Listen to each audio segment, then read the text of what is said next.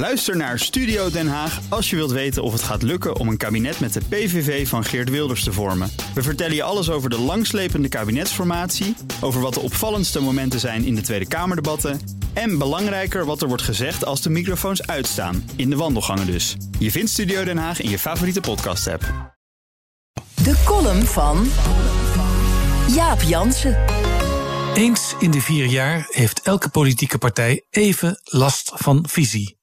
Van de behapbare 32 pagina's die de SP heeft volgeschreven naar de 211 van D66.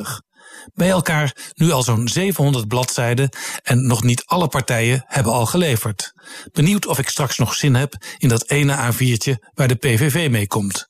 De programma's die al bekend zijn, van VVD, CDA, D66, GroenLinks, SP, Partij van de Arbeid en Partij voor de Dieren, beloven één voor één een stevige ruk naar links met een grote rol voor de overheid.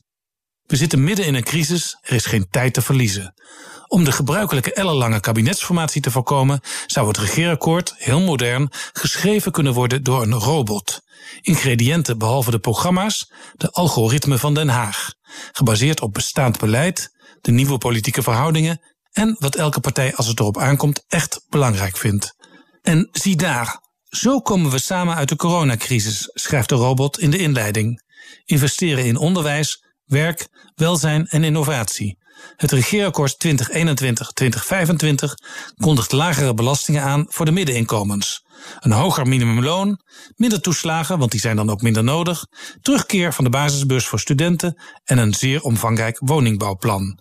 Waar het klimaatbeleid in 2017 lang nog niet in alle programma's een prominente rol innam, koest Rutte 4 af op 55% CO2-reductie in 2030. Meer dan VVD en CDA in hun nieuwe programma aankondigen, maar geheel volgens het huidige aangescherpte beleid van Rutte 3.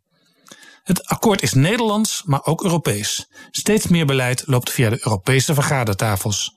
Zo wil het regeerakkoord de macht van big tech en andere hele en halve monopolies breken. En ook de heel grote bedrijven gaan netjes belasting betalen. Nederland maakt zich daar in Brussel hard voor.